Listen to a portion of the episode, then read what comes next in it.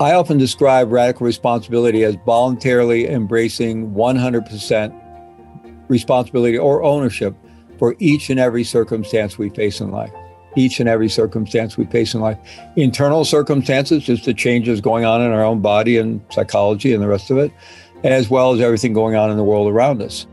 That was Dr. Fleet Maull, and you're listening to episode 260 of the Building Psychological Strength podcast, where we uncover the information, tools, and techniques to turn our mind into our most valuable asset.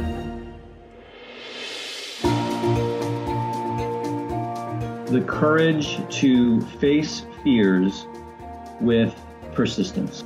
Being able to be present enough in this moment to choose my response thoughtfully. We have the strength to bend to life stressors, to bend to adversity without snapping, without breaking. There are only six things that contribute to our quality of life, and they are all experiences. In every moment, we are deciding who we want to be and how we want to live our lives. Noticing what your brain is doing and then being able to make choices. Mobilize the things that we know lift us up. Hello, friends, and welcome back to the Building Psychological Strength podcast. My name is April, and I'm your host.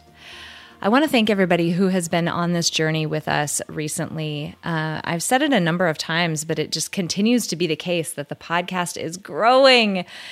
And that's so awesome. It's amazing because personally and selfishly, it is amazing to see something that I have put so much love and effort into getting traction in the world. But what this also tells me is that there are so many of you out there who are saying yes to yourselves and deciding that you want to learn this incredible information, put these tools and practices to use in your life so that you can live better and have a better life experience. And that is what it's all about.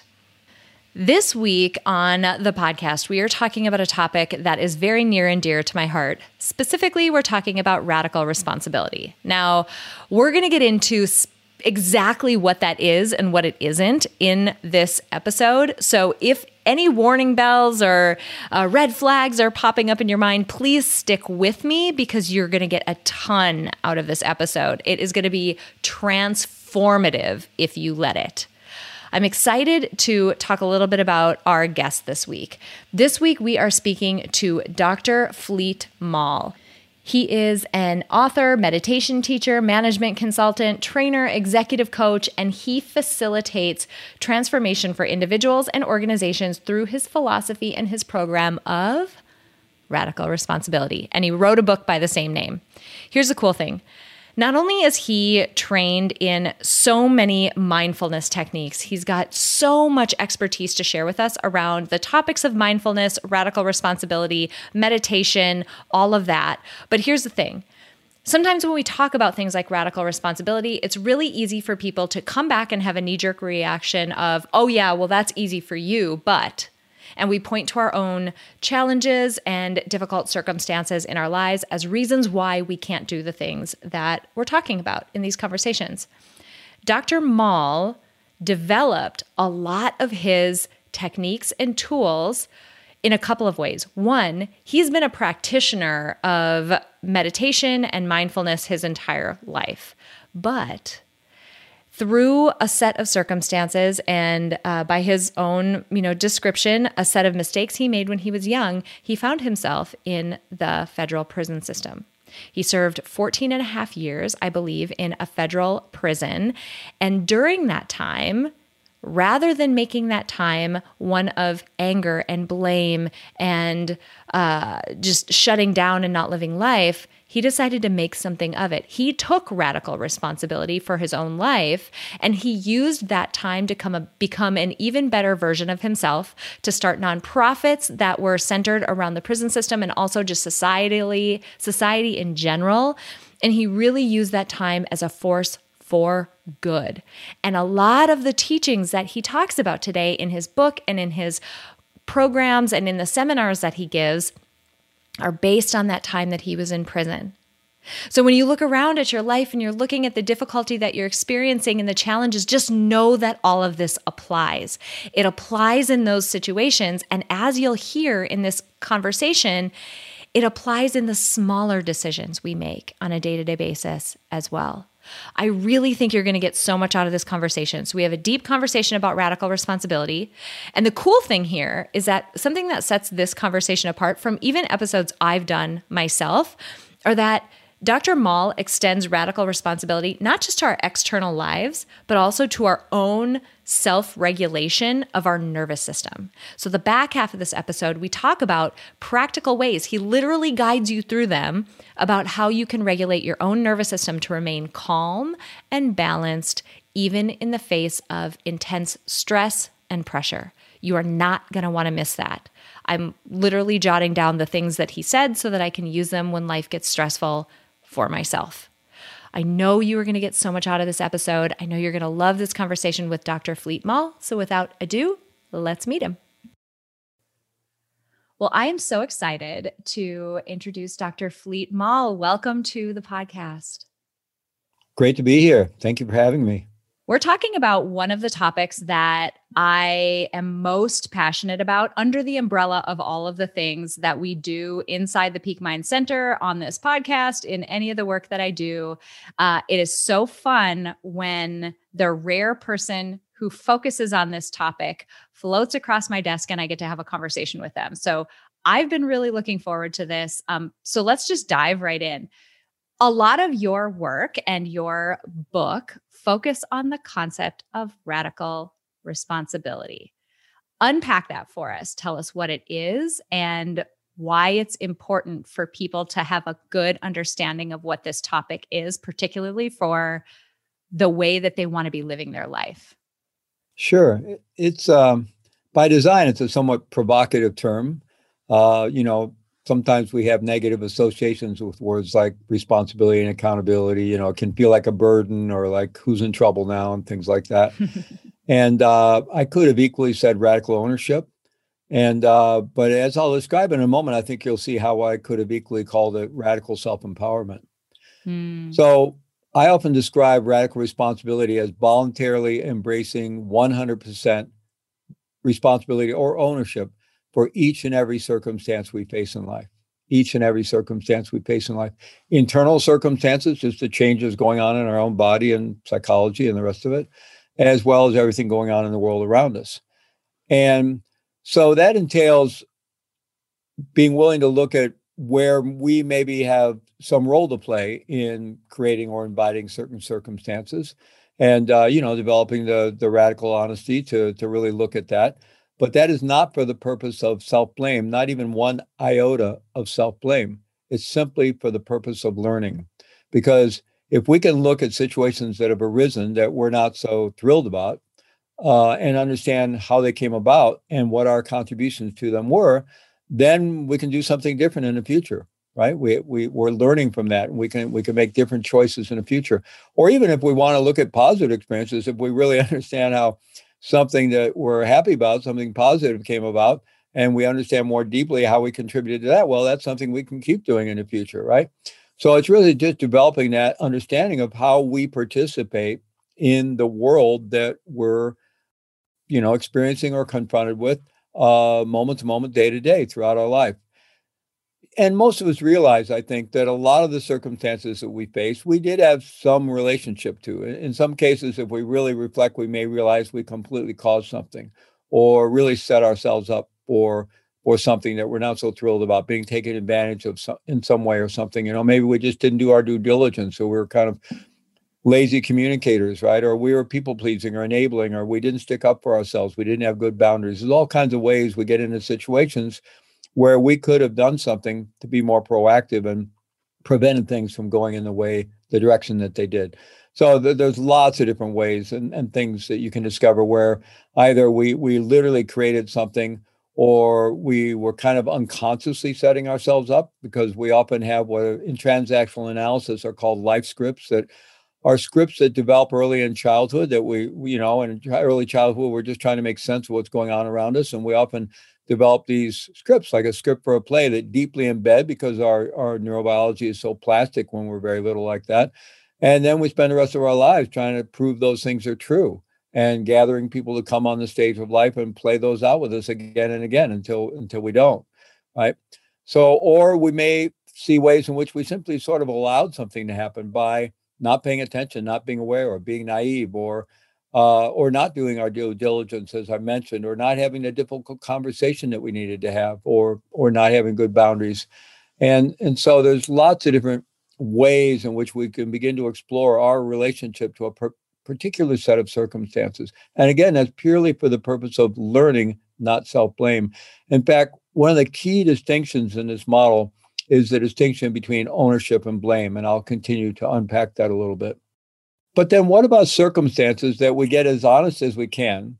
And we really can't see we had any relationship to it at all. It really seemed like it just kind of fell out of the sky and landed on our head, right? And and everybody would agree. So unless it has to do with past life karma, and who knows about such things, right? And even if even if you know if we believe in multiple lifetimes, but even if there is such a thing, you know, I'm it's, it's quite a stretch to start feeling guilty about a past life that I can't even remember. And what's the connection between lives anyway? So um, you know, there are going to be situations that that happen that we just really can't see we had anything to do with it at all. So, what would it mean to take ownership for that or radical responsibility for that? Now, that really starts to feel like self blame. Again, it has absolutely nothing to do with self blame. It has everything to do with choice, because even when you know some terrible situation befalls us, or maybe a real injustice, or something even you know really horrific, that I mean, horrible things happen to people and at some point, really, for any of us, the salient question is what am I going to do with this? Mm-hmm. What am I going to do? Am I going to let this take me down? Or am I going to find the most creative way I can respond to this to move forward in my life? Now, you know, this is all about us. And, and I, I want to make it really clear that I'm not in any way being dismissive of the fact that people really are victimized in life and, and horrific things happen to people, just heinous things happen to people. And uh, we're also talking about adults here. We're not talking about children. Children need and deserve to be protected. And and you know, at what age we move into what levels of responsibility or adulthood in different cultures it varies. But but in general, we're talking about adults here. So I think we can all easily see, though, upon reflection, that even when some really terrible injustice befalls someone, or some really violent, terrible thing, some horrific thing that would really knock anybody down, and they may need a lot of validation around having been victimized, and and you know who knows all the different support they may need and what their healing journey will look like. And and I don't believe it's for me or or anyone else to tell someone what their healing journey is going to look like. But I think we can all see that if they remain really stuck in the mindset of victimization, at the very least, it's going to be very limiting to their life. And there are countless stories of human beings who've experienced terrible injustices and horrific victimization and have found some way to turn that around so they can move forward in their life and that may be heroic and it's and if the person's not able to do that that's that should be no i mean that should bring up nothing but compassion from us right because people, again, experience terrible victimization. At the same time, we go into that kind of powerless victim mindset all the time, day in and day out, around all kinds of little things. And it seems very compelling, right? Something happens and we suddenly feel upset or afraid or angry or sad or um, irritated or really angry, or, or we just feel victimized. We feel put upon. And it feels pretty compelling that somebody did something or something out in the world happened. And now I'm feeling that way. It seems like direct causation. And we'll explore that uh, in a moment. But to begin with, the reason that I'm going to embrace ownership myself in any situation like that is that it's really the only place I have any agency in terms of moving forward in my life is to focus. You know, I may need to, you know, uh, something happens to even myself. I, I may, you know, I may need to vent about it. I may need to voice it to people close to me, and I may need to get some empathic support from people. But at some point, how much of my energy am I going to put into that versus the question, all right, what am I going to do? Mm-hmm. What's the most mm-hmm. creative way I can work with this in my life so I can move forward and not get stuck here? So that's why we talk about embracing 100% responsibility, even in those situations where we can see we really had nothing to do with creating the situation or even allowing it.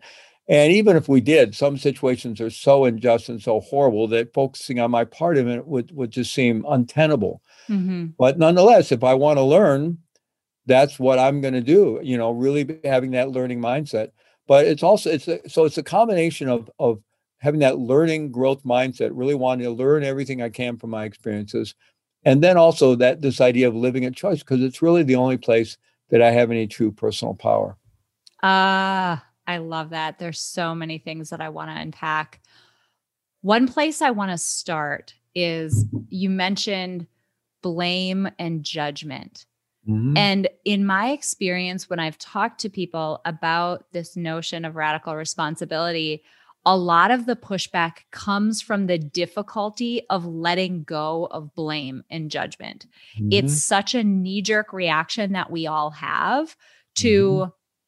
especially others. We want to ascribe like we just we judge as a default as human beings we make judgments about whether something was good or bad or the right way to do something or mm-hmm. whatever it's such an innate thing with us and lots of times when people have a hard time accepting radical responsibility and there's two sides of this coin so i want to ask you both sides of them have you found that it's because they're having a hard time giving up judgment and blame like if you can't let that go, this feels like a really hard concept to mm-hmm. To swallow. It's certainly it's certainly one of the obstacles, and you know, I, I, would not say it's innate. I would say it's pretty can be pretty deeply conditioned. In sure, us, sure, yeah. it's innate. And but I, I really would assert that you know we've all been enculturated into a largely blame and shame based society, unfortunately. Uh, it's not to say that we don't have other values in our society, and it's a mixed bag, but there's a lot of that. It's very pervasive in our mm-hmm. society. And it has to do with, I think, are some unfortunate twists on some of the religious theologies. Nothing wrong with the religions or the great spiritual traditions that, you know, uh, have informed our society in the West.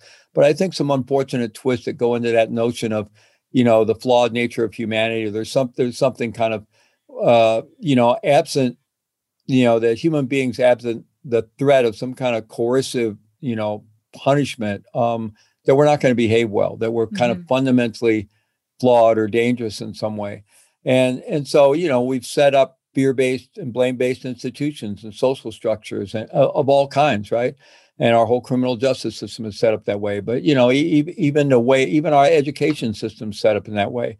You know, that's why a lot of my colleagues we we we talk and and do advocacy around trying to change what's called the the uh, school to prison pipeline, because in fact our educational system lines up culturally uh, with the prison system, right? So uh, we've all been enculturated into that, and it can be very knee jerk, right? And uh, I, I, even remember growing up, I, I had three younger sisters and an older brother. So if, if, my older brother got in trouble, you know, he'd come and shove me, and then I'd shove one of my sisters, and she'd kick the next sister, and the, the youngest one had to go kick the dog. That was the only one left, right? You know, so it just rolled downhill like that. And you know, I remember very early on, I got in trouble for something, and and I just had this instinctual reaction. One of my sisters was there, and I just said, "She did it."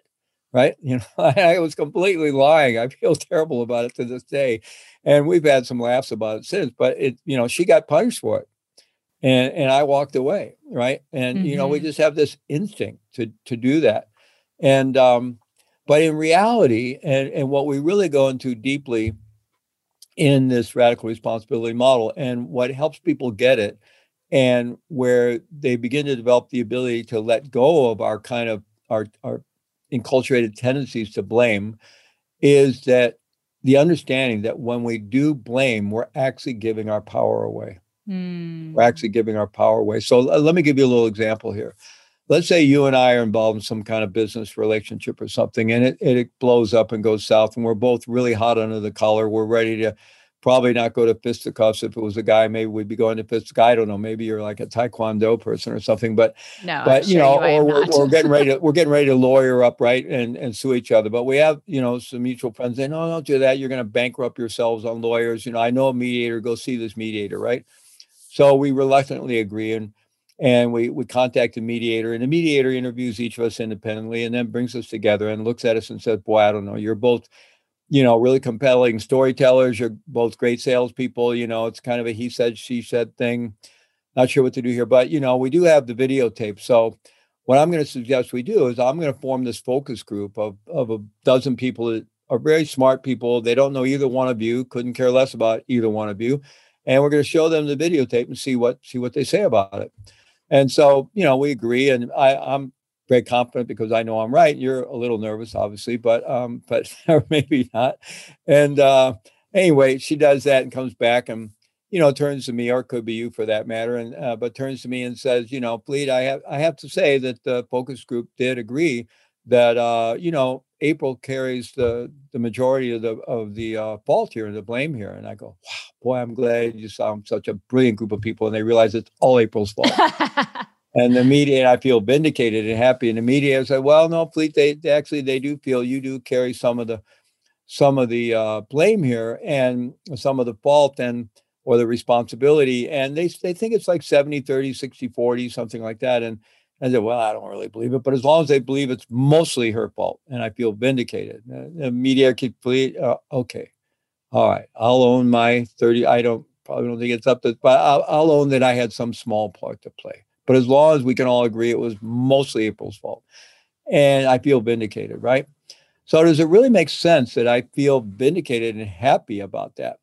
Because I'm upset by definition. We're in a conflict, things went badly, and I'm upset about the way things are, the current state of affairs. I'm very upset and angry about it.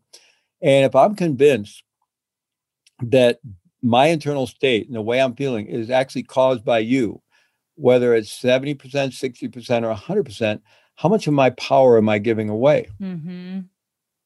Can I yeah. control you? No, you can't. No. I love it. No, I can't control you. We cannot. And we know human beings are absolutely uncontrollable. For one reason, we've tried a lot. We probably most of it probably haven't given up yet, but you know, it probably hasn't worked out too too well. All our efforts to control our, you know, our, our siblings, our parents, our spouses, our coworkers, our friends, our you know family members. Um, but we know even more definitely than that because we ourselves are uncontrollable. No matter how much someone tries to confine us or control us or intimidate, we will find our way. You know, we'll find our way. Human beings are endlessly creative in getting on their needs met. You can lock human beings up in, you know, no human contact um, prison cells, right? And they still find their way to get communicate with other prisoners or calm the guards or you know we're endlessly creative in getting our needs met and we are ultimately uncontrollable so if I'm attributing my internal state to someone or something outside of myself that I cannot control, I'm giving my power away. And we all do it all the time. All and how terrifying of a prospect if our whole goal, which I, I think most people's goal is to live a life that at least has some joy in it, a life of well being, a life of, um, you know, comfort, thriving, whatever word you want to use, to completely throw your hands up and say that my well being, my state will be dependent on forces that are completely outside of my control. What a place to live. Yeah, it's a complete prescription for powerless and suffering, powerlessness and suffering. You know, it even is true in, in when when good things are happening. You know, I'm I'm happy because something out in the world is happening in a certain way. And you know, I'm probably not going to focus on challenging that too much. But if you really think about it, if I'm convinced that my happiness is caused by that external circumstance, I'm still giving my power away. And if that circumstance changes, now I'm no longer happy. Right. Right. So I'm allowing my internal state to be completely at the whim of the world around me. And that's actually where most of us live. We live in this interface between our childhood conditioning that we had nothing to say about. We got a lot of it by the time we were three, most of it by the time we were seven. And, you know, we keep adding to it as we go along. But we got the core conditioning very early on before we had anything to say about it. And we all received our share of our cultural legacy, our family lineage legacy. And there's some good stuff in there, and there's some gnarly stuff in there that gets in our ways. We all know that. It was probably a mixed bag for all of us. And, you know, but we got it before we had anything to say about it. And we live in the interface between that and the world around us, right? Mm. Now, if we had really benevolent childhood conditioning, which most of us didn't, for most of us it was a mixed bag, and for none of us was it perfect. But if that was really benevolent, and if we live in a fairly benevolent, easygoing world, then living in that space in a sort of mechanical, not so conscious way may not be that bad. But for most of us, our conditioning does have a lot of crossed wires and gnarly things in it and the world we live in is not so benevolent. So we're living in there, just kind of getting shoved around in that space, you know, living in a, a fairly uh, you know, in some level, in terms of these deeper things, a fairly mindless mechanical way. So I don't want to live that way. And we don't have to live that way. We can, by living a choice, I can learn to self regulate and stay in a responsive mode in relation to my own conditioning and how it interacts with the world around me. And in the process, transform some of that conditioning and develop the capacity to, no matter how much I'm getting plugged into something or my conditioning is reacting to something, still get myself back into what I call the zone of resilience, what Dan Siegel called the window of tolerance, where I can actually be in a responsive mode and act from choice and and then really be in a self-leadership position much more in the driver's seat of my own life. So really this whole model is about you know do we want to ride back there in a caboose somewhere being dragged around in life and complaining about it? Or do we want to you know get in the driver's seat or at least the co-pilot seat of life and and have a lot more self-agency and, and autonomy uh, in terms of how our life is going to unfold? We can't control the whole thing at all but at least we can be in relationship with it. Yeah. I want to I want to dive into that regulation piece in just a second, but I want to give one concrete example. For anybody who is still on the fence and not quite with us in terms of situations that are truly difficult, truly arduous, truly horrific. I mean, the worst challenges you can possibly imagine early, early, early in my podcasting days, I was fortunate enough to interview a woman by the name of Gerda Weissmann Klein. And I, I've talked about her actually twice recently, which is funny that she's coming to mind again. But she survived the Holocaust. Talk about an atrocious situation to go through. Um, her most of her family was killed. Her best friend didn't survive as well. She survived the death march she survived multiple work camps, the most atrocious conditions you can possibly imagine. None of that was her fault. She wasn't to blame for any of that. But what she did do, and which she speaks very clearly about, is when she was liberated, she decided that the rest of her life was going to be hers to live. And what she did as part of that responsibility was turn her story into something that meant something to her and other people. She wrote a book. She's been speaking, uh, you know, throughout her life. She's older now and isn't traveling and speaking um, really anymore, even giving interviews anymore. So I feel so fortunate fortunate to have been able to talk to her. But when we talk about this, she she literally talks about this topic. And that's somebody who's been through one of the biggest atrocities that humankind has ever known. So if she can take radical responsibility after being in that situation, and I've told myself this multiple times when I've been in difficult circumstances, if Gerda can take radical responsibility after surviving the Holocaust, what am I going to do right now? Like WWGD, what would Gerda do? And how do I? take ownership of what my next steps are. So I wanted to give that example just in case anybody else is like, nah, I'm still not buying it. I'm not with you. Well, I, am glad you brought that up because in my radical responsibility trainings and seminars and so forth, when we get into the, you know, the, because I deliver this very experientially in my trainings, and we mm-hmm. we don't, I don't just lecture people on it. We we go through it through experiences where people get to really experience it in their own body, mind, and heart, and we get to the point where we're really into this core distinction that I call circumstances are neutral, and we're kind of chewing on that and arguing with it and getting, you know, what does it really mean? And uh, people tend to go to the worst case scenarios. Now, the fact of the matter is, this this scenario of taking ownership or not taking ownership, giving our power away, not giving something we're doing all day long around all kinds of little yes. stuff, and that's where we really need to practice and learn. Agreed. But okay, let's go to the worst case scenarios. Well, one of the examples I often bring up is Viktor Frankl. Yes. Uh, many people have read his book Man's Search for Meaning, and he was in Auschwitz, one of the most infamous death camps of the Nazi Holocaust. And uh, one of his great discoveries was that even in the worst imaginable circumstances a human being could be in, which certainly being at Auschwitz was. I mean, I don't know that there's anything that compares to that complete depravity and starving and and in the middle of winter with threadbare clothing and no shoes and you know and, and just emaciated and and and shamed and I mean you just can't imagine worse. And he said, you know, even in such circumstances, maybe a guard has a gun pointed at your forehead. Even in that circumstance, we all have a choice that no one can ever take away from us We all have a choice that no one can ever take away from us. And that's the choice over the attitude that we bring to that situation, the mindset that we bring to that situation. We maybe we're even going to die, but we could die in anger, fear, and bitterness, or we could die with some kind of peace or composure or forgive. Now that might be very heroic in the moment. And if we've been living our whole life, you know, defaulting to anger, bitterness, and blame, it's going to be hard to make that shift in the moment. All the human beings have. There's amazing stories of that. But best to practice with the small circumstances. And and also, you know, where I developed this model, maybe it would be helpful for your listeners to know this. Um, I developed this in a maximum security prison, serving uh, 14 and a half years on drug charges, which is mm. something I'm mm. not proud of at all, but I am proud about what I did with the time. And initially, I was facing life in prison and then was sentenced to 30 years no parole. And fortunately, I was sentenced under the old sentencing guidelines prior to 1987. And it took me a while to figure it out. I was in for like a year, you know, going through county jail and sentencing, and then got to this federal prison. And still, it took me a while to figure it all out. That I, if I stayed out of trouble, I would receive a lot of good time.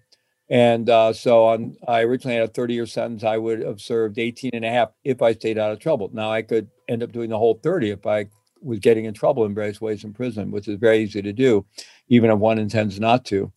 And it took my appeal about three years to go through the courts. And on appeal, they knocked off one of the counts and brought my sentence down to 25. And then I knew I'd serve 14 and a half altogether if I stayed out of trouble. And that is what I ended up serving. Mm. But initially, I was facing potentially life in prison. And even when I got there, I, I thought I was going to be there initially for I, I, the paper the next day said I, I was 35, said I'd be 65 when I got out.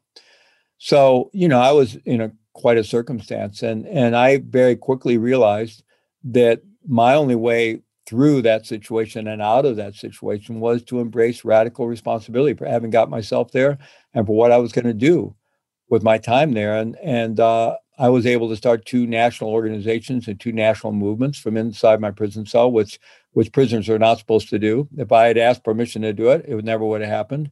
Uh, I actually had kind of an extraordinary life of deep meditation practice and service uh, helped start the first hospice program in a prison anywhere in the world, and then started a national organization to get that model out into the world. And really, everything I was able to accomplish there in a maximum security prison, which was a horrific place to live, your basic humanity was under assault day in and day out. Um, you know, all came out of this approach of radical responsibility. So, mm. um, you know, it works. Uh, even you know and i could have i, I could have gone either way I, I there were lots of people i could have blamed I mean, there were lots of people that can, i did a lot of people's time you know i i i refused to testify against others not because i was trying to be a stand-up guy but i was a buddhist which kind of you wonder how i got into that circumstance well i had kind of a very mixed mixed path coming up through the 60s and 70s but at any rate you know i couldn't I, it's just my values wouldn't allow me to have somebody else do the time instead of me doing the time and so I didn't testify, but a lot of people did. And so I did a lot of people's time. And, and you know, when the government tries you, and maybe people agree that it should be that way for various things, but anyway, they break all their own rules. You know, they don't pay attention to any rules. They just, you know, they play hardball. And so there's all kinds of, I could have been blaming all kinds of people. And, or I could have just gone deeply into self blame, you know, and, uh, and self loathing. And I could have done both, right? And that's really when you're in prison, that's really the culture you're in because your fellow prisoners are all armored up with anger and bitterness. They've all got a huge victim story and they're all blaming everybody and they're blaming themselves. And and I quickly saw that not only didn't I want to come out of prison that way, I didn't want to live that way while I was there. Now, fortunately, I'd had a fair amount of psychological training and, and meditation training before I ended up in prison, thank goodness. And I was able to use that time in a really positive way for myself as a path of deep transformation. I was able to do some good while I was there, both in for that community and in a larger world. But it really came all out of that realization that the only place I had any power in terms of how to shape my destiny once I found myself in that situation was embracing this kind of radical ownership or radical responsibility.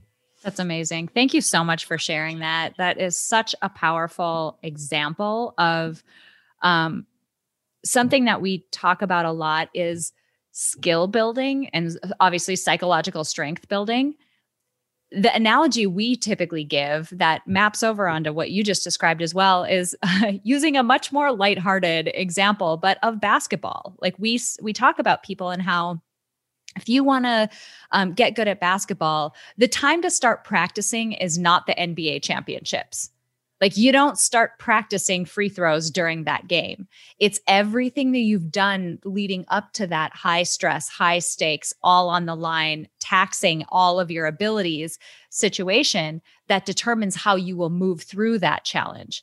And similarly with you, you know, your training, your free throw practice before ending up in the position that you were in in prison, it's all strengthening your skills, strengthening your resilience. And we'll go into some of this regulation piece in a second because I think that's critical to get there. And I would talk to people about, you know, what we've gone through in the last year. Imagine if you, with the pandemic, imagine if you would have been employing these skills years prior to that. Think about your life ahead and the challenges that will undoubtedly, just because we are humans with messy lives, will come up how much better equipped will you be to go through those challenges and navigate them with some position of agency and leadership if you if you start doing these practices now. So I would love for you to dive into sort of this this regulation piece like how do we get into um, a state where we can effectively meet those challenges? How do we do that for ourselves internally? Mm-hmm. yeah.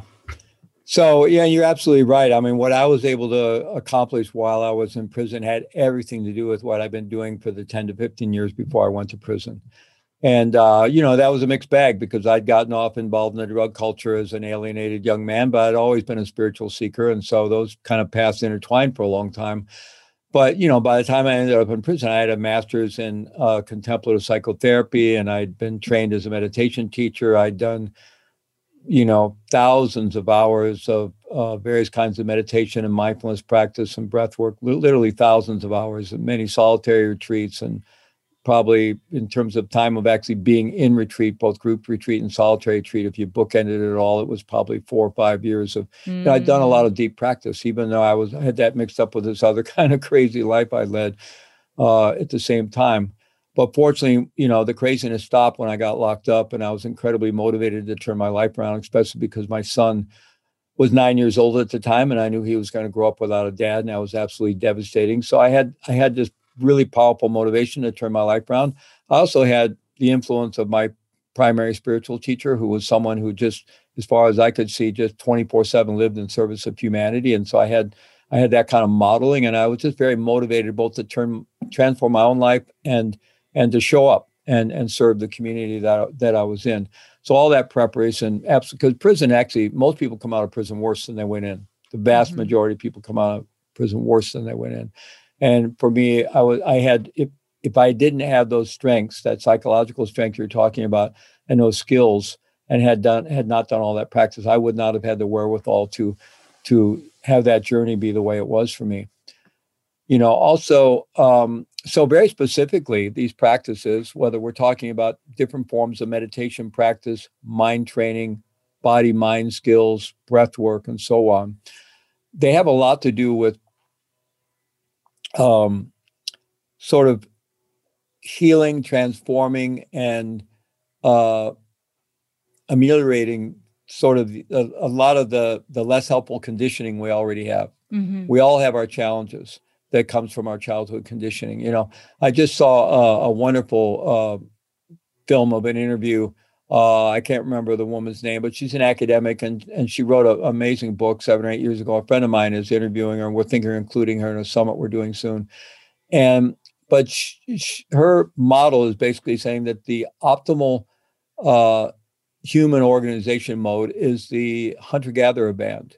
Mm. And when I first heard that, okay, we're all we're not all going to go back and live that way, and you know, how do you bring that to scale? But as I listened more to this interview with her, she was really talking about the child rearing aspect, and I haven't listened to the whole interview yet. I really want to go back to it.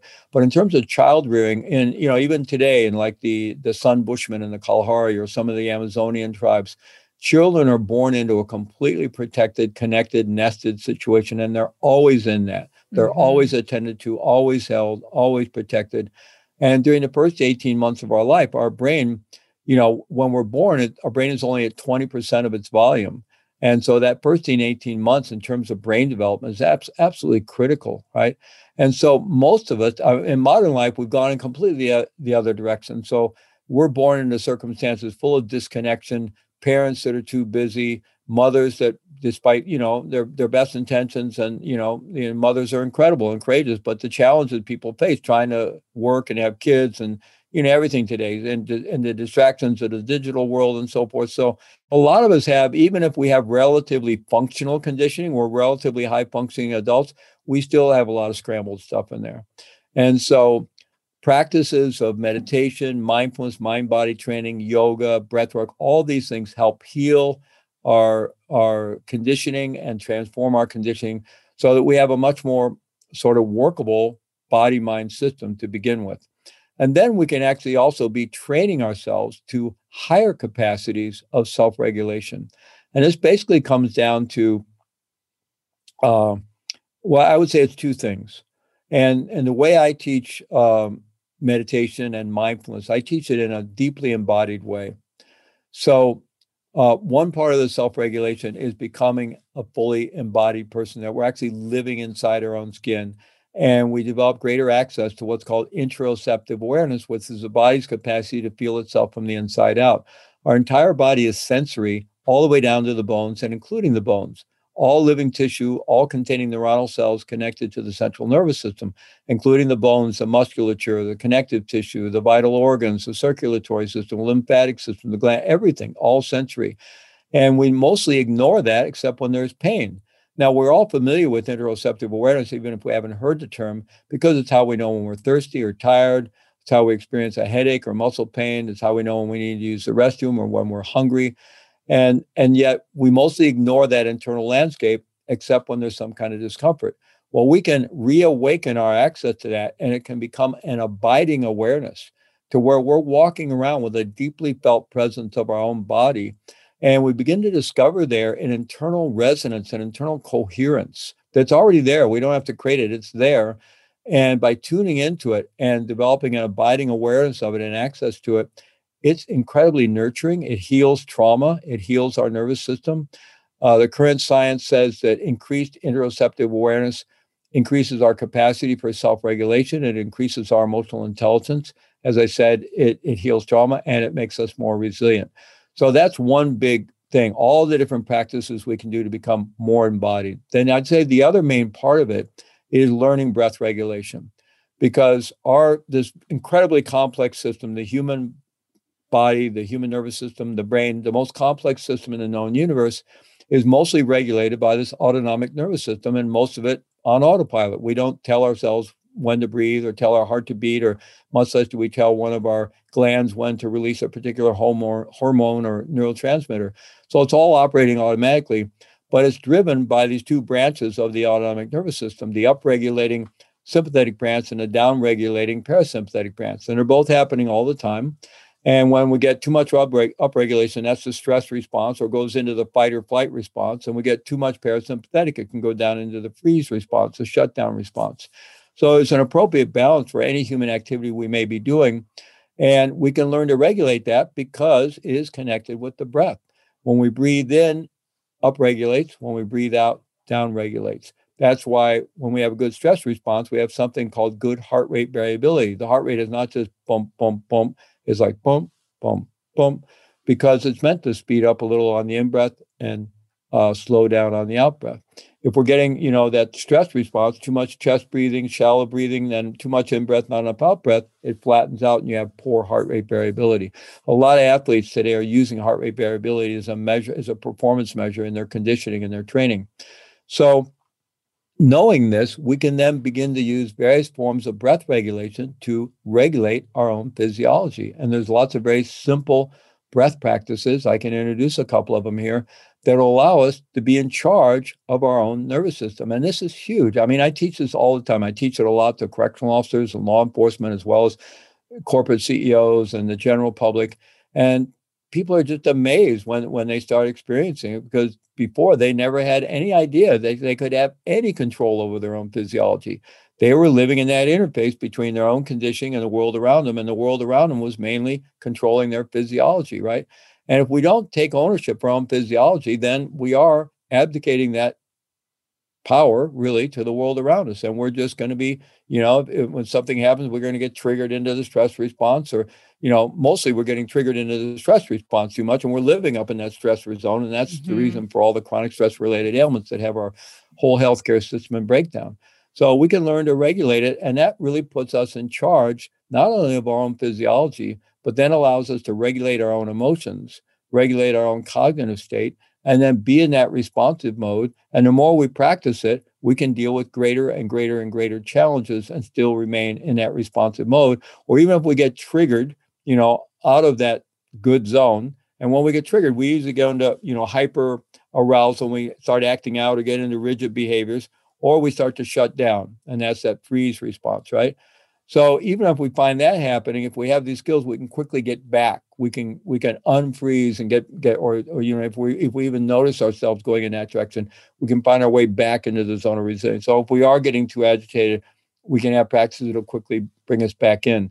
But over the long time with practice, there's also fewer and fewer things that are going to trigger us either to shut down or to get overactivated to begin with because we have a much wider zone of resilience. And you know that's why many people are aware about post-traumatic stress disorder and and how many veterans suffer from that and others suffer from that.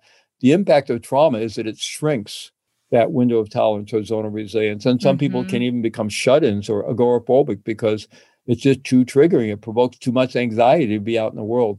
And so the therapies are all about widening again opening up so we can live our lives. And that's a challenge we all have, actually, because if you think about little children when they're one, two years old, bright eyed, fearless, you know, just will do anything, right?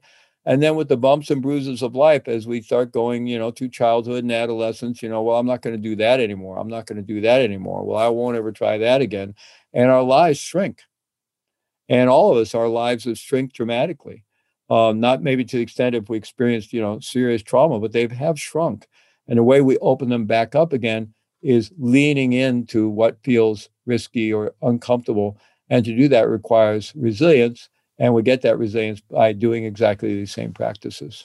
I would love for you to give us a couple examples of the breath work that you talked about. Um, I think that would be an amazing gift to this audience. Great.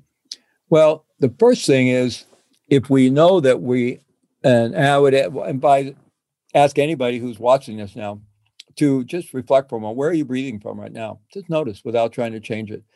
Are you breathing more in the belly or more in the chest? And no shame, no blame. Many of us have become chest breathers. It's a stress response, and we become chronic stress breathers. We're breathing mostly from up here. And we're using these muscles to breathe instead of using the diaphragm, which we're intended to use to drive the breath, right? So if that's the case, one of the best, one of the most helpful things we can do is relearn to become a diaphragmatic or belly breather. And it's not that hard because we have the neural pathways that support belly breathing because it's a natural way to breathe. If any of you have a, a, dog or a cat at home, you know when they're laying there on the living room carpet and having that nap, what do you, you see the belly going up and down? Or those of us who've been parents, we remember our, our child in in the in the crib or something when they're infants belly go up. And that's that's a natural way to breathe. The diaphragm muscle, which is below the lungs, between the lungs, and it's in the thoracic, between the thoracic cavity and the abdominal cavity. It's a very large muscle, and it contracts, pulling down on the lung, creating a vacuum, which draws the air in. And then when it relaxes, the air can be released. That's the diaphragm muscle, and that's how our breath is meant to be um, driven. So one way we can easily retrain ourselves is every night when we go to sleep, place one hand on the chest, one hand on the belly, and just adjust our body. Usually it's how we're holding our pelvis until we see the hand on the belly is going up and down and the one on the chest is relatively still. In other words, we're breathing with the diaphragm. And just breathe that way until you fall asleep. And within weeks or at the most a couple of months, you will retrain yourself to be a default belly breather. It's not that difficult because we already we still have the neural pathways to support. That's our default mode of breathing. We've unlearned it and relearned a less healthy way to breathe. And I did this myself as a young man because I fortunately learned about these things early on and I was a chest breather and I transformed it and I've been a default belly breather ever since. So that's the first thing, become a belly breather. Then uh, uh another thing is is breathing through the nose. Anyone who's become a mouth breather is incredibly unhealthy And there's so much asthma today, and there's and there's so many people with COPD, and there's so many people with uh, sleep apnea and using the machines at night. It's become a huge industry, which is treating symptoms, but it's not treating the underlying problem. Most of that has to do with mouth breathing. So that's why a lot of people, including myself, when they go to sleep at night, put mouth tape on, put a piece of tape here to make sure that during the night where we're sleeping seven or eight hours, at least during that time, we're not breathing through the mouth, we're breathing through the nose. And there's all kinds of pretty complex and fascinating reasons why breathing through the nose is incredibly healthy, healthy for us and breathing through the mouth isn't, at least consistently. So that's another thing, learning, you know, if we are a mouth breather, finding ways to transform that. Okay. Now, a specific breath exercise, I'm going to share one that has really been a godsend for me. I use it all the time. I use a number of them all the time, but I, I really use I before COVID 19. And we could circle back and talk about that in a moment, you know, how, how practice helped meet the challenge of COVID 19. But prior to that, I was a road warrior. I was on the road all the time, all over North America and Europe, even a little bit in South in South America and Africa, uh, delivering trainings and leading retreats and doing all this kind of work. And I was, you know, I was I was in airports just all the time, and and you know, two or three uh, uh, airport trips a week, and and you know a lot of white knuckle drives in bad weather to the airport and that kind of thing. And you know travel is very stressful today and going through security is very stressful. So i'd be doing this breath regulation technique all the time while i'm driving to the airport while i'm going through security and i stay in a well regulated condition don't go into any kind of road rage or anything like that. And i get to the gate and i'm there ready for my flight usually making my flight and i'm relaxed and i'm well regulated so this particular technique is called straw breathing and anybody can put it into their search engine and find out a lot about it. It's called straw breathing because you can do it with a physical straw. You can do it with a whole one or cut one in half. And but you don't need to. You can just breathe out through, excuse me, breathe out through pursed lips as if as if blowing through a straw, excuse me, or as if whistling. So for this technique, you breathe in through the nose with the mouth closed, like that, and then you breathe out through pursed lips in through the nose, out through pursed lips. Okay, so let's just go ahead and do it now. Let's go ahead and set up that breathing pattern. Breathing in through the nose, out through pursed lips, in through the nose, out through pursed lips. And then keep breathing that way. And then we're going to start counting the breath because we want to extend the out breath twice as long as the in breath. So I'll guide us in the counting. We're going to breathe in a four count, out an eight count. So beginning with an in breath. In, two, three, four, out, two, three, four, five, six, seven, eight. In, two, three, four, out, two, three, four, five, six, seven, eight. Okay, I think you get the idea. So let's just keep breathing that way for a, a minute or so in silence. In through the nose, out through pursed lips, out breath twice as long as the in breath. And you could be breathing in a four count, out an eight count, or in a five count, out a 10 count, whatever works for you, but don't be ambitious about it. Keep it comfortable.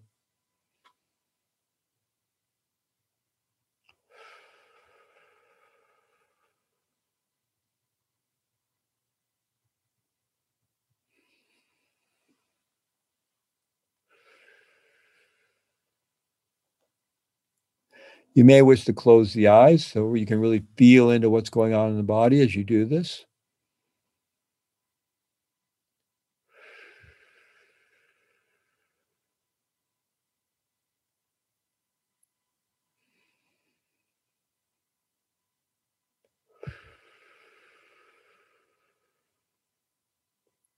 And as you continue to breathe that way, in through the nose, out through pursed lips, out breath twice as long as the in breath, noticing any shifts in your own physiological state, emotional state, cognitive state.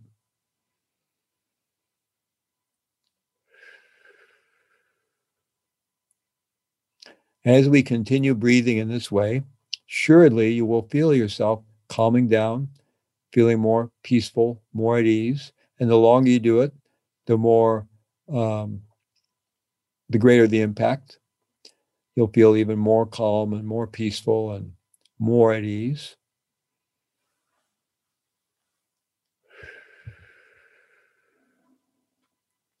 Okay, so that's straw breathing. And let me explain why it works. So, you remember the in breath is connected with the upregulating sympathetic branch response. So, as we breathe in, get a little heart rate acceleration. The out breath is connected with the parasympathetic branch relaxation response, taking us into the rest and recovery zone. So, heart deceleration, heart rate deceleration, right? So, by emphasizing the out breath here, we're activating the parasympathetic branch of the autonomic nervous system. Now, by breathing into the nose and out through the mouth, we're also further activating that. We're also doing things related to the nitrous dioxide levels and and the whole balance between oxygen and carbon dioxide. So there's a lot going on uh, biochemically and neurochemically as well. And again, you can just put this into a search engine, straw breathing. You can read all kinds of things about it. So it's doing all kinds of very healthy things for us. But the most obvious thing it's doing is directly activating the parasympathetic branch of the autonomic nervous system, which is the relaxation response, the rest and recover response. Herbert Benson, back in the 1970s, coined the term the relaxation response, saying that modern humans have unlearned that, that all animals know how to do it. They can go, you know, driver comes to the door, right? UPS driver or delivery driver, and our dog goes into alarm barking. And as soon as the driver goes away, they plop right back down, nap time, right? They know how to turn it on and off. We unlearned the ability to turn on the relaxation response, to turn off the stress response. So we have to relearn it, right? So that's what we're doing here with the straw breathing. Now, there's another one I'll add in very simply. It's been popularized by um, uh, another physician, uh, Andrew Weil, the well known holistic physician, Dr. Andrew Weil. And it comes from pranayama, which is part of yoga in India, the yogic traditions. There's all kinds of breath work involved in that tradition. It's been around for thousands of years. And he adapted one and he calls it 478 breathing. So it's just like the straw breathing, except in the middle, we're going to hold the breath for a seven count. So let's try that. Again, I'll guide us. So we'll breathe in through the nose, out through pursed lips, but we'll also hold the breath. Okay, so let's start with an in breath. In, two, three, four. Hold, two, three, four, five, six, seven. Out, two, three, four, five, six, seven, eight. In, two, three, four. Hold, two, three, four, five, six, seven. Out, two, three, four, five, six, seven, eight. Okay, so we get the idea there. Now, what's happening with the four, seven, eight breathing? We're getting the same impact that we get from the straw breathing, but by holding the breath for that seven count, we're getting an oxygen boost. We're getting oxygen boost, and we're also increasing our CO2, our carbon dioxide tolerance. When if we hold our breath and we're suddenly like, you know, we can't hold our breath any longer. We probably all tried that as kids. We tried to swim underwater for a certain period of time, right? We're holding our breath, and at some point we we can't hold our breath, and we start gas. We're not really gasping for oxygen. There's still plenty of oxygen in our tissues in the body. What we're experiencing is CO2 or carbon dioxide intolerance. So by doing breath holds, we train ourselves. I actually do uh, breath holds of uh, two to two and a half minutes every morning and I do some very intense breathing, and then I breathe all the breath out. Actually, completely exhale the breath, and then I hold the breath and do some yogic uh, locks and things, and I'm holding the breath for two to two and a half minutes to really increase my uh, carbon dioxide uh, tolerance. Because what happens when we start to experience that carbon dioxide intolerance, that's triggering the fight or flight response. It's triggering our panic response. So by developing greater carbon dioxide tolerance, we're actually lowering our panic response we're lowering our anxiety response right so all these things are contributing to resilience and and and, and capacity for self-regulation in amazing ways so that was the straw breathing the 478 breathing these are the simplest ones that you can easily find in your search engine you can find lots of youtubes you can find them on my uh, website uh, you can find audios of me leaving, leading them there, videos of me leaving. And there's one last one. I, I won't lead it here, but it's called box breathing. It's also very well known. Uh, the Navy SEALs use it. And uh, the, it has four parts. You breathe in and then you hold, you breathe out and you hold. And each has the same duration, right? Usually it's four. So sometimes they call it four by four or box breathing. In the military, they call it tactical breathing or combat breathing. So breathe in, four count, hold, four count, breathe out, four count, hold, four count. Now, when you first try this, it may feel uncomfortable holding your breath at the end of the out breath, even for a four count, but you'll quickly get used to it. And then it doesn't also always have to be a four count. We can move to a five count or a six count, but you never want to get too ambitious about breath work. You always want to keep it very gentle and very, very benevolent. And if you're going to get into more advanced breath work, then you need a teacher and you need you need really good uh, good instruction and you need to have a teacher working with. But if you do it in a gentle way, things like straw breathing, four, seven, eight breathing, and box breathing are very benevolent, very easy to learn, and not dangerous. I love it. That's so helpful. I mean, all of us end up at these situations where, you know, our our body seems to take over, and um, it's amazing to have those tools to fall back on. As Let me you show think- you something else really quickly here. Yeah, this will land this self regulation point here. Just try this for a moment. And uh, everybody, you know, who's watching could try this. Place a hand down on your abdominal muscles because you're going to do this with your abdominal muscles. We're going to take short sips of breath through the nose, like this, kind of like hyperventilating. Okay. So we're going to do this for like 15, 20 seconds as fast as you can. But if you start to get dizzy, just stop, but do the best you can for 15, 20 seconds. Okay. Let's go.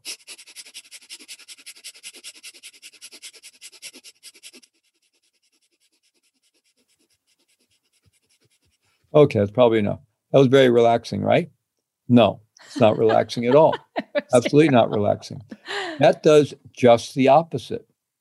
That triggers the upregulating sympathetic branch response. Now, why would you want to do that? Well, if you're drowsy, rather than grabbing a cup of coffee, you can do it's called fire breathing in the ah. Kundalini yoga tradition. You can it'll wake up your nervous system. I do it every morning uh, I do a whole routine before I got out, get out of bed in the morning to keep my back in shape, and I do crunches and I do stretching and spinal twists. The last thing I do before I get out of bed is I do a half bridge pose in yoga, which means I pull my my feet up and flat on the bed, and then I lift my my uh, my rear and my my pelvis up off the thing. Right, I'm still leaning on my shoulders, so I'm up like that, and then I do this, and uh, I do it for depending on how much time I have, anywhere from three to five minutes. So that does lots of things. It strengthens my core big time. And uh, it completely wakes me up. So then when I finish that, I swing my legs over the side of the bed and I'm ready, wide awake, ready to go. But then I go from there into another kind of breathing routine, a little more advanced than the straw breathing. But the combination of doing that and then doing the other puts me in this calm, alert state, which is really an optimal physiological state to bring to begin my day. But now, so now and, and I teach this all the time with, with cops and all kinds of people. You now have the accelerator, that's the straw breathing, which you're not going to need to, I mean, the um, fire breathing, which you're not going to need to use very often. And you have the brake, which is the straw breathing. So you are now, if you want to be in charge of your own nervous system, you have the brake, you have the accelerator, you can be in charge of your own nervous system if you choose to be. I love it. As you think about radical responsibility, our own self regulation, what does it mean to you to be psychologically strong? I'm curious. Well, I think being psychologically strong means having a very ample window of tolerance or zone of resilience. And people can look those terms up too, and you'll see some wonderful, beautiful colored charts you'll find online. And it gives you a good picture of it, right? So you can imagine kind of a square. And when we get triggered out of that, we either, as I said before, we start shutting down, disassociating stuff. We go down to what's called hypoarousal. We're shutting down, which can go all the way down to a catatonic state, or animals go into a feigned death response, which is actually physiological state that almost appears like death, which is a survival mechanism in animals. And we all we have we have this ourselves. And or you get too upregulated and you start acting out, getting really upset and so forth like that. So you know, psychological strength means we have a very ample window of tolerance or zone of resilience. So fewer things trigger us into either shutting down or getting really upset and acting out. So that's one way to look at it. Another way to look at it is that we're highly resilient, which is somewhat saying the same thing, but that resilience has to do with uh, embodiment, that we're actually living in our body because living in our body with awareness and really feeling having an abiding ongoing awareness at least in the background of the physicality, a deeply felt physical presence of the body, all the way down to the bones. As I said before, that's very nurturing. It kind of holds us, and it's really tangible. It's something. It's it's like an ongoing coherence there, a vibrational flow that once you tap into, it's kind of and, and you know with any regularity, then it's kind of always there in the background and that it's like a reservoir of resilience. It's very nurturing and healing and it heals trauma and increases our overall resilience and gives us that psychological strength. So uh, and then having access to self-regulating practices. Like one of the ones we probably all learned as kids we, we probably heard from our parents or a school teacher if you're really upset or you're really angry what are you supposed to do before you do anything else? Count to 10 right? By the time you mm-hmm. count to 10 you'll downregulate a bit. If you take a deep breath with each count, you'll downregulate even more. Why does that work? Well, it distracts you from the stimuli that you're allowing to upset you, right, based on your conditioning and your reactivity. But also the reptilian brain, which is taking over when we're upset, the reptilian brain, the survival, and the, to the extent when the reptilian brain is taking over, also what's happening is the executive function and neocortex is being disengaged. And when we're completely triggered, we have almost no access or, or potentially no access to the executive function, the smart part of our brain. And therefore, and we all know when we've been really upset, we often say and do things that are not so smart and create big messes for ourselves. And it's because we don't have access to the smart part of our brain. It's what's called the amygdala hijack. The warning bells, the amygdala and the limbic system get triggered by something.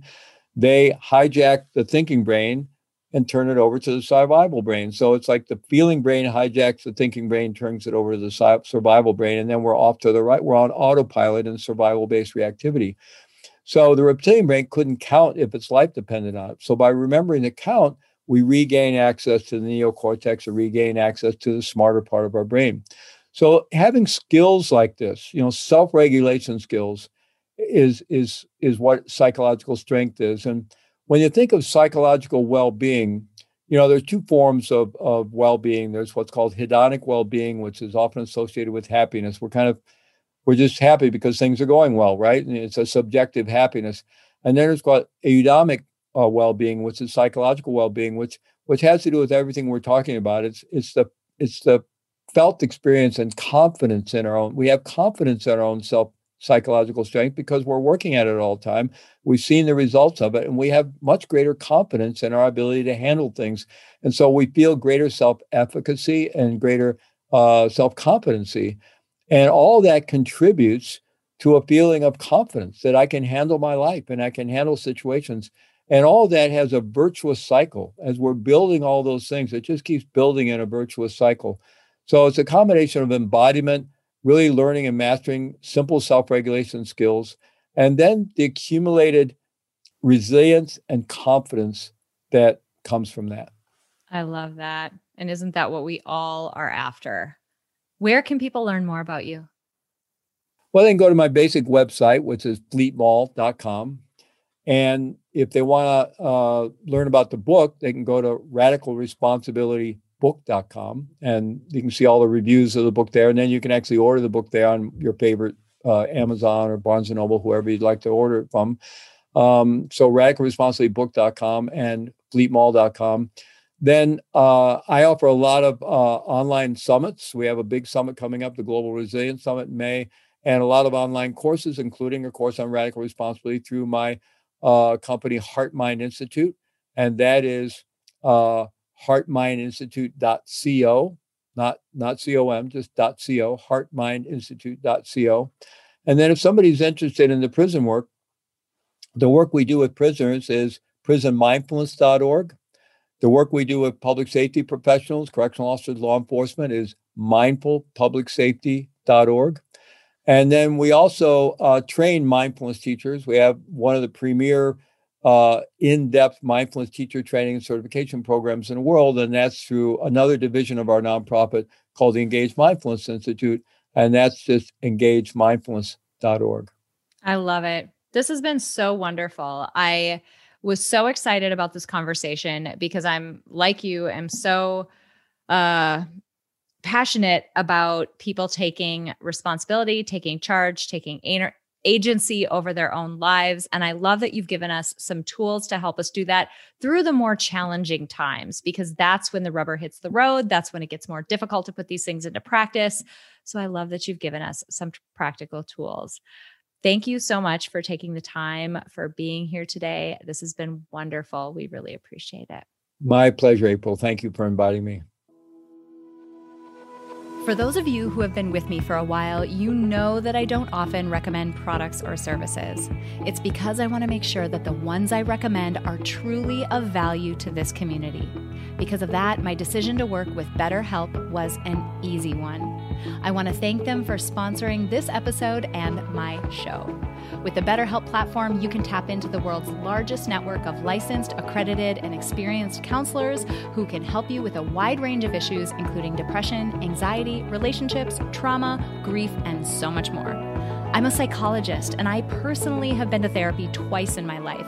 And in both cases, I went in feeling so confused, unclear, and anxious about the road ahead. Both times, my therapist was able to restore clarity and get me on a much clearer, happier path.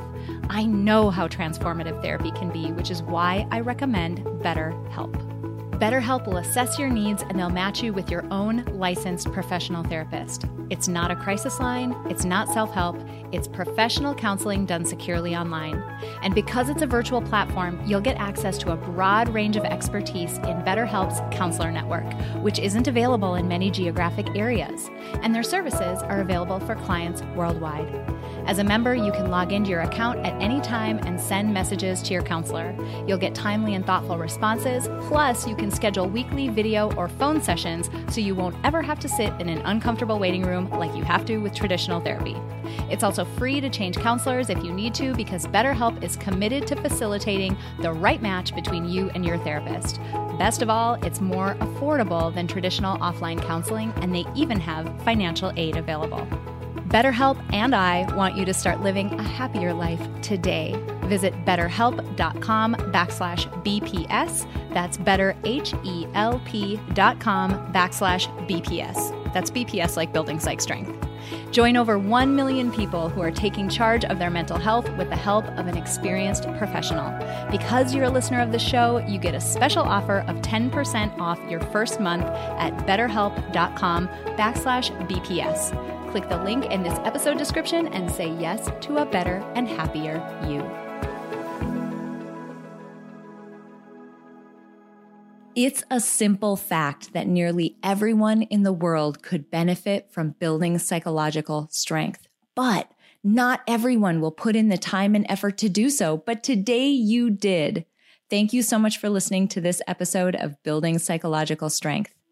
Now, if you're interested in building the mental toughness, confidence, and resilience you need to thrive through life's ups and downs, visit us at www.peakmindpsychology.com. Also, if there's someone in your life who could benefit from this episode, please share it with them. And if you yourself found this episode valuable, meaning if you took away even one insight that you can use to build psychological strength in your own life, we would so appreciate it if you would drop us a rating and a review on iTunes. The thing is, the more ratings and reviews we have, the easier it is to get this powerful and important content out to the people who need to hear it. Remember, your mind can be your most valuable asset or your biggest liability, and you get to choose. So choose wisely, my friend. And I'll see you next time on Building Psychological Strength.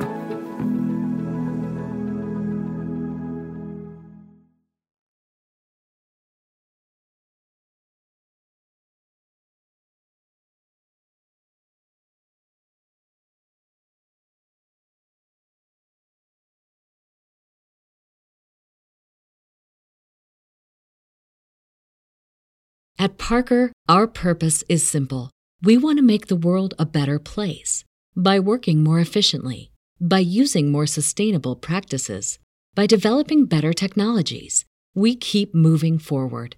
With each new idea, innovation, and partnership, we're one step closer to fulfilling our purpose every single day. To find out more, visit parker.com/purpose. Parker, engineering your success. As humans, we're naturally driven by the search for better. But when it comes to hiring, the best way to search for a candidate isn't to search at all. Don't search, match with Indeed. When I was looking to hire someone, it was so slow and overwhelming.